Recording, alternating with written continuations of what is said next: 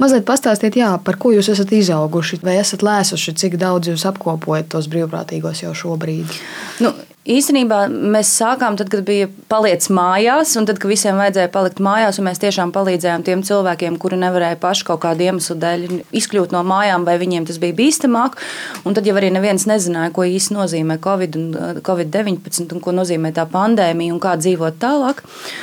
Un tad mēs piegādājām pārtiku, un tad cilvēku atsaucība bija ļoti liela. Mums brīvprātīgie pieteicās, mums bija reģistrēti vairāk kā 800 cilvēki, kā brīvprātīgie.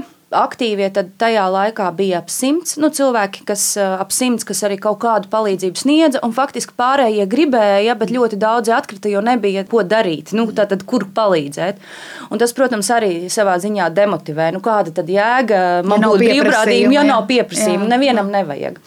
Un, uh, tagad mēs varam aktivizēt tādā reģionu līmenī un arī Rīgas līmenī. Nu, vidēji, ja kāds reģions aktivizējās, tur 20 līdz 30 cilvēki. Bet nu, tas ir par reģioniem. Uh, ja mums nav tādi vislatvijas projekti, tad mēs darbojamies pašvaldību līmenī, pilsētu līmenī, pat arī kaut kādu mazu pagastu līmenī. Tad, tad mēs varam skatīties, cik tā ietveros. Ir. Nu, jā, tad nav tāds ļoti konkrēts cipars, bet mm -hmm. tie ir vairāki simti. Es tā saprotu. Nu, es, es domāju, ka pa Latviju tādi brīvprātīgie ir vairāki simti, kas reāli jau dara un ir darījuši pirms tam. Viņi varbūt šie cilvēki līdz šim kaut kā neapzinājās īstenībā, cik lielisku darbu viņi dara. Tas bija tā ļoti vienkārši. Sevišķi pagastā, nu, tev kaimiņam ir vajadzīga palīdzība, tad tu vienkārši to sniedz un tā nedomā, oh, tas es esmu tagad brīvprātīgais. Nē, tu vienkārši redzi, ir vajadzīgs un tu palīdzi. Otra lieta, mēs palīdzējām noaktivizēt tos, kuri vispār pirms tam nebija domājuši par brīvprātīgo darbu. Jo Latvijā nu, tas ir ļoti svarīgi veselīgai sabiedrībai ir pašai pašai sev palīdzēt. Un tas ir sabiedrības loceklis, sabiedrības loceklim. Nevienmēr visur ir jābūt iesaistītām kādām valsts institūcijām vai jebkādām citām institūcijām. Pašiem mums ir jāredz, un cik daudz brīvprātīgi un cik mēs esam gatavi brīvprātīgo darbu veikt, tik veselīga ir mūsu sabiedrība. Kā es saprotu, tad šajā vasarā viegli palīdzēt īstenojot pilotu projektu, ir vēlme attīstīt reģionos arī to brīvprātīgo darbu vairāk. Bet ir bijuši arī kaut kādi izaicinājumi. Mm -hmm. Kā ir pastāstīt? Tas jā, projekta mērķis bija, mēs aicinājām pieteikties pilotu projektus, kur ir gatavi iesaistīties, lai noaktivizētu kādu darbu. Mums pieteicās sešas. Kuldīga, Liepāja, Rīga, Gulbene, Dagda, Rēzekne. Bet tā doma ir, ka paši Sešas. piesakās. Jā, viņi reģio... pieteicās, viņi pieteicās, ka viņi vēlas pilotēties un, un, un iesaistīties, un mēs savukārt sniedzām to savu pieredzi dažādos virzienos, un ko mēs esam ieguvuši tieši ar šo paliec mājās, kā noaktualizēt šo brīvprātīgo darbu. Un tā pieredze bija, mēs stāstījām, kā komunicēt, kā izmantot uh, digitālās platformas un reģistrēties, lai tas būtu veiks, nu, vienkāršāk. Tad parādījās tāds aktuāla tēma, kā veikt uh, cieņpilnu brīvprātīgo darbu. Gan cieņpilnu pret to, kas sniedz to brīvprātīgo darbu, un droši, gan arī pret to, kuram tas tiek sniegts. Nu, minēšu, piemēram, piemērus. Daži cilvēki, piemēram, negribēja paši nest pieclitrīgās ūdens plasmasa pudeles uz piekto stāvu, un tad viņi zvana brīvprātīgiem, lūdzu, atnes man tieši to ūdeni.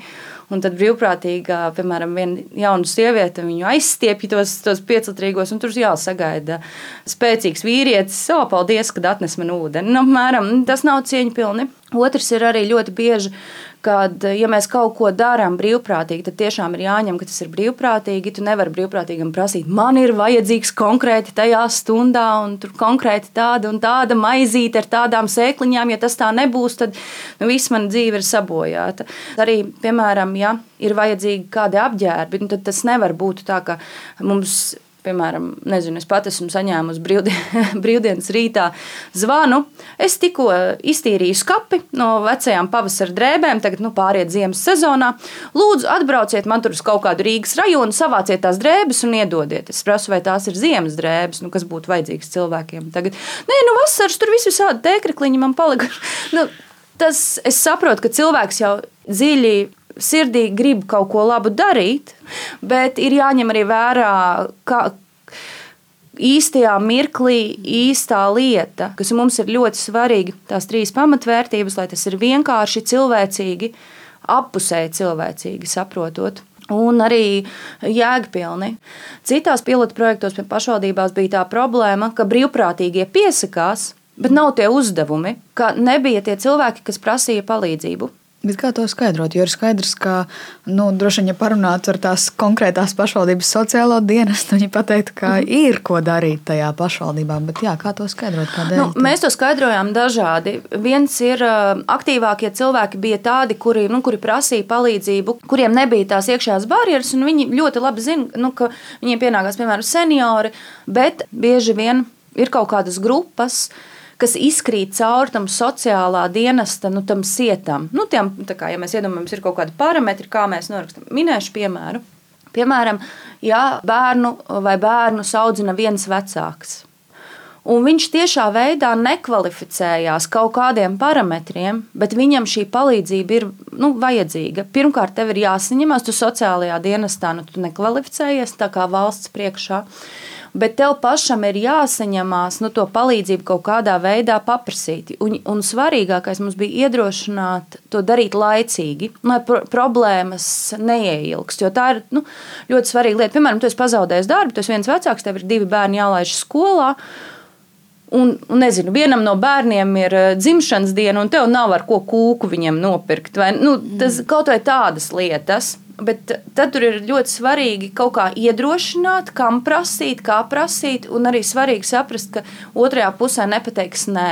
Jo katram var būt pārējošas problēmas. Nezinu, pēc ārstniecības to, bija mums arī cilvēki pēc kaut kādas operācijas, kājas trauma, un viņš noteikti laiku nevar izvest savu suni ārā. Un tam nav saistības, jā, tu esi tur spēcīgs un tā, jā, bet es šajā mirklī nevaru. Un, un, un tad mums bija arī, kur brīvprātīgie palīdzēja, un tad arī veidojās tās attiecības. Nu, vai arī, piemēram, seniorai vajadzēja suni izvest, un viņai kājas sāpēja. Un nevis teikt, nē, tu tev tas suns ir jādod projām, bet, ja ir kāds brīvprātīgais, kas palīdz un kas neapšauba, ka tā tiešām palīdzība ir vajadzīga. Un just to sevi un, un saņemties un, un, un paprasīt. Un tādēļ vasara arī varbūt priekšiem pilotu projektiem neizgaismoja tās problēmas. Es domāju, ka tagad, nu, ja, ja tas projekts sāktos tagad, no septembra, mm -hmm. būtu pilnīgi citādi. Bet viņi ir pilnībā noslēgušies, vai viņiem ir tāda pēcsacība un viņi turpinās? Viņi turpinās, viņi pašvaldību ietvaros turpinās. Jo katra, katra tā pašvaldība viņiem nebeidzās tāpatās, kā mēs nesākām. Mēs nebijām tā, ka mēs tagad sākam. Pirmkārt, paliec mājās, katrā no šajiem reģioniem bija jau pieteikušie brīvprātīgie cilvēki kas veic brīvprātīgo darbu, un arī ir cilvēki, viņiem tas nav nekas tāds jauns. Nu, vienkārši cilvēki tagad apzinās, jā, es esmu brīvprātīgais, es kaut ko tādu. Un viņi turpinās, jā. Un, un kas ir labākais arī šī projekta ietvaros, mēs savā ziņā bijām apusēji ieguvēji. Piemēram, mēs arī sapratām, ļoti liels paradoks bija tieši ar tehnoloģijām, ar mūsu aplikāciju. Ja kad bija palicis mājās, sākotnējā posmā, mierīgi varēja reģistrēties 800 cilvēki pāri kā brīvprātīgi varēja tur uzdevumus likt un tā tālāk, tad tagad tas sagādāja grūtības. Un tas, tas arī ir skaidrojums tīri cilvēcīgi, ja mums atklāti sakot, līdz kaklam ir tās nu, visas tehnoloģijas. Tas ir viens tāds acīm redzamais skaidrojums. Un tā ir tā lieta, ko mēs arī pārņēmām, ka, jā, ka mēs redzam, kādā virzienā tehnoloģijas ir jāattīsta. Viņām jāliek iekšā tie cilvēcīgais aspekts. Paturpinot par reģioniem, Kā jūs vērtējat, vai tas pilotprojektu skaits ir pietiekams, vai pašvaldības ir kūtras, vai varbūt pašvaldības jau pašas jūtas tā, ka viņas ir attīstījušas šo brīvprātīgo darbu, vai jā, kā, kā vērtēt, vai tas ir daudz? Es domāju, pirmkārt, mums pirmajā tikšanās reizē bija pie simts cilvēkiem. Bija, nu, visi atsaucība bija ļoti liela. Tādēļ es ne, ne vispār nekādā veidā negribētu teikt, ka pašvaldības ir kūtras. Pašvaldības nav kūtras, viņas ir ieinteresētas. Protams, katrā pašvaldībā ir, nu, lai iesaistītos projektā, projektā tās tomēr ir apņemšanās kaut ko darīt, nu, darīt noteikti un izpildīt kaut kādus mērķus. Un tādēļ šīs pašvaldības katra bija aprēķinājušas, cik daudz ir nu, spēja ieguldīt savus resursus noteiktā laika periodā. Tādēļ man liekas, ka sešas tas ir daudz, tas nav maz. Un galvenais, ja tam notiek arī tāda pēcsacība, tas tiek turpināts, man liekas, ka tas ir ļoti daudz. Un tiešām cilvēki sastapties šajos projektos, kas to dara, ir apbrīnojami. Tiešām ļoti daudz, kas ir ieinteresēti, kas to dara un kas to ir darījuši līdz šim. Vienkārši vislielākā cieņa. Tā kā šajā laikā lieliskas, cilvēcīgas kvalitātes radušās, kas man liekas, ir tāda ļoti laba iezīme. Kādas ir tendences Pēc kādas palīdzības šobrīd cilvēki vairāk vēršas, kas ir tas būtiskākais vasaras laikā? Tieši reģionos vasaras laikā bija palī, nu, vajadzīga tāda palīdzība, kā palīdzēt malku sakrā, sakrāmēt mazdārziņos, palīdzēt kādam senioram vai cilvēkam, nu, kuram tajā mirklī ir grūtāk pašam apkopot savu dārziņu. Tad bija palīdzēt nokļūt no viena punkta līdz otram. Piemēram, Dagdā vai citos, nezinu, tur raj, novads ir ļoti liels, un tas nav tā kā ir kaut, kā, kaut kas ļoti centralizēts. Cilvēki dzīvo arī laukos, tas, nu, vai, kur ir jābrauc, un autobus ir vienreiz dienā. Un tad, ja tev pašam nav transports, tad tev ir nu, labi, ja kāds noteiktā laikā aizved vai līdz ārstam, kurš arī pieņem noteiktos laikos. Un arī tās, protams, to sekmēja arī tās reģionālās pārmaiņas, nu, reģionālā reforma, kur arī mainījās teritorijas sadalījuma un viss, kā tas notiek. Un transports kā, tas arī ir aktuāls un tas saglabās aktualitāti. Tad ir arī brīvprātīgais darbs, ļoti bija saistīts arī vasaras periodā ar dažādiem pasākumiem kur iesaistīja jauniešus, piemēram, brīvprātīgi organizēt sporta spēles kādai organizācijai. Kuldīgā mums bija palīdzēt brīvprātīgiem tapt demokrātijas festivālam. Nu, kur krāsot un vēl visu kaut ko darīt. Tā kā ir tās, nu, tad, tad ir tās aktivitātes, tad tās nokļūšana no punkta A līdz B, tad ir palīdzēšana ar tādiem mājas darbiem, dārziņi un tā. Es domāju, ka tas, kas pieaugs, noteikti turpinās pieaugt, ir šī, un par ko ļoti daudz domā, kā sniegt emocionālo palīdzību. Nu, tad, kad ir grūti, vienkārši grūti, un, un tās līnijas jau, protams, kuras jau to sniedz, kļūst noslogotākas, un cilvēki ja ir viss notiek attālināti, kļūst vientuļāki. Tā, man liekas, arī ir tāda viena problēma. Tad droši vien parādīsies tagad, eh, aktualizēsies problēmas, ja skolas neturpināsies klātienē, kā tikt galā ar eh, bērniem, kur ir skolnieki, kā mācīties un kā tikt galā ar viņiem un viņu apmācību. Tā būs droši vien tagad tāda problēma. Bet eh, senioriem mums arī bija lasīšana priekšā. Mēs gribējām nu, grāmatas lasīt priekšā. Tur liela atsaucība nebija. Bet tagad, arī skatoties ar vairākām mājām, iespējams, jā, vienkārši parunāt. Nu, Tas ir diezgan normāla parādība, ka cilvēkiem vajag vienkārši piezvanīt kādam un parunāt. Ko tu izlasīji avīzē? Kā tev likās tas? Tā ir pilnīgi tāda. Mazināt kaut kādu vientulību. Jā, mazināt, mazināt vientulību, ka tas arī varētu būt. Tad mēs arī attīstījām tos e-brīvprātīgos. Vēl parādījās, kur mums prasīja padomu, kā aizpildīt kaut kādas formas.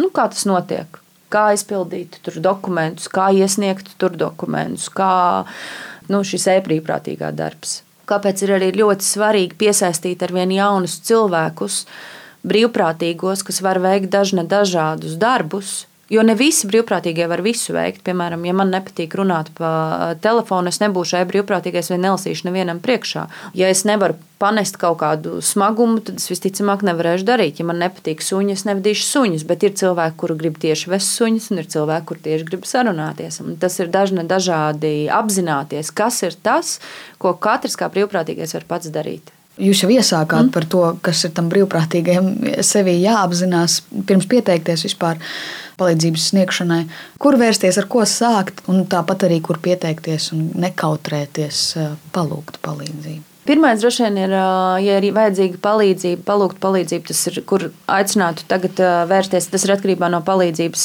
formas un kas tā tāda ir pa palīdzību. Vērsties tomēr pie sava pirmā pašvaldībā, pie sociālā dienesta un tad viņi atradīs veidu, kā vislabāk un visefektīvāk palīdzēt. Arī tad, ja viņi nevarēs, ja tas būs kaut kāds specifiskāks, tad viņi tāpat pašval, viņi pārzina, kurā vietā var šādu palīdzību sniegt. Jo mēs vairāk palīdzības tālruni un tādā uz ikdienas bāzes neustram, jo tas ir ļoti, ļoti mazs skaits, kas tur griežās un palīdz. Mēs vairāk strādājam ar organizācijām. Nu, ir nezinu, noteikts organizācijas, kuriem vajadzīgi ir brīvprātīgie, un tad mēs viņus piesaistām. Otrs, lai kļūtu par brīvprātīgo, var pieteikties viegli palīdzēt. .lv, ieiet mājaslapā un tur var pieregistrēties par brīvprātīgo.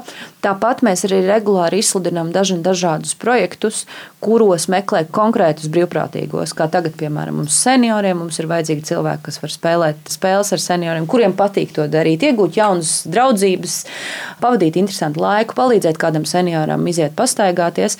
Un, to var droši skatīties mūsu mājaslapā, viegli palīdzēt.lv, un tur var pieteikties par brīvprātīgo.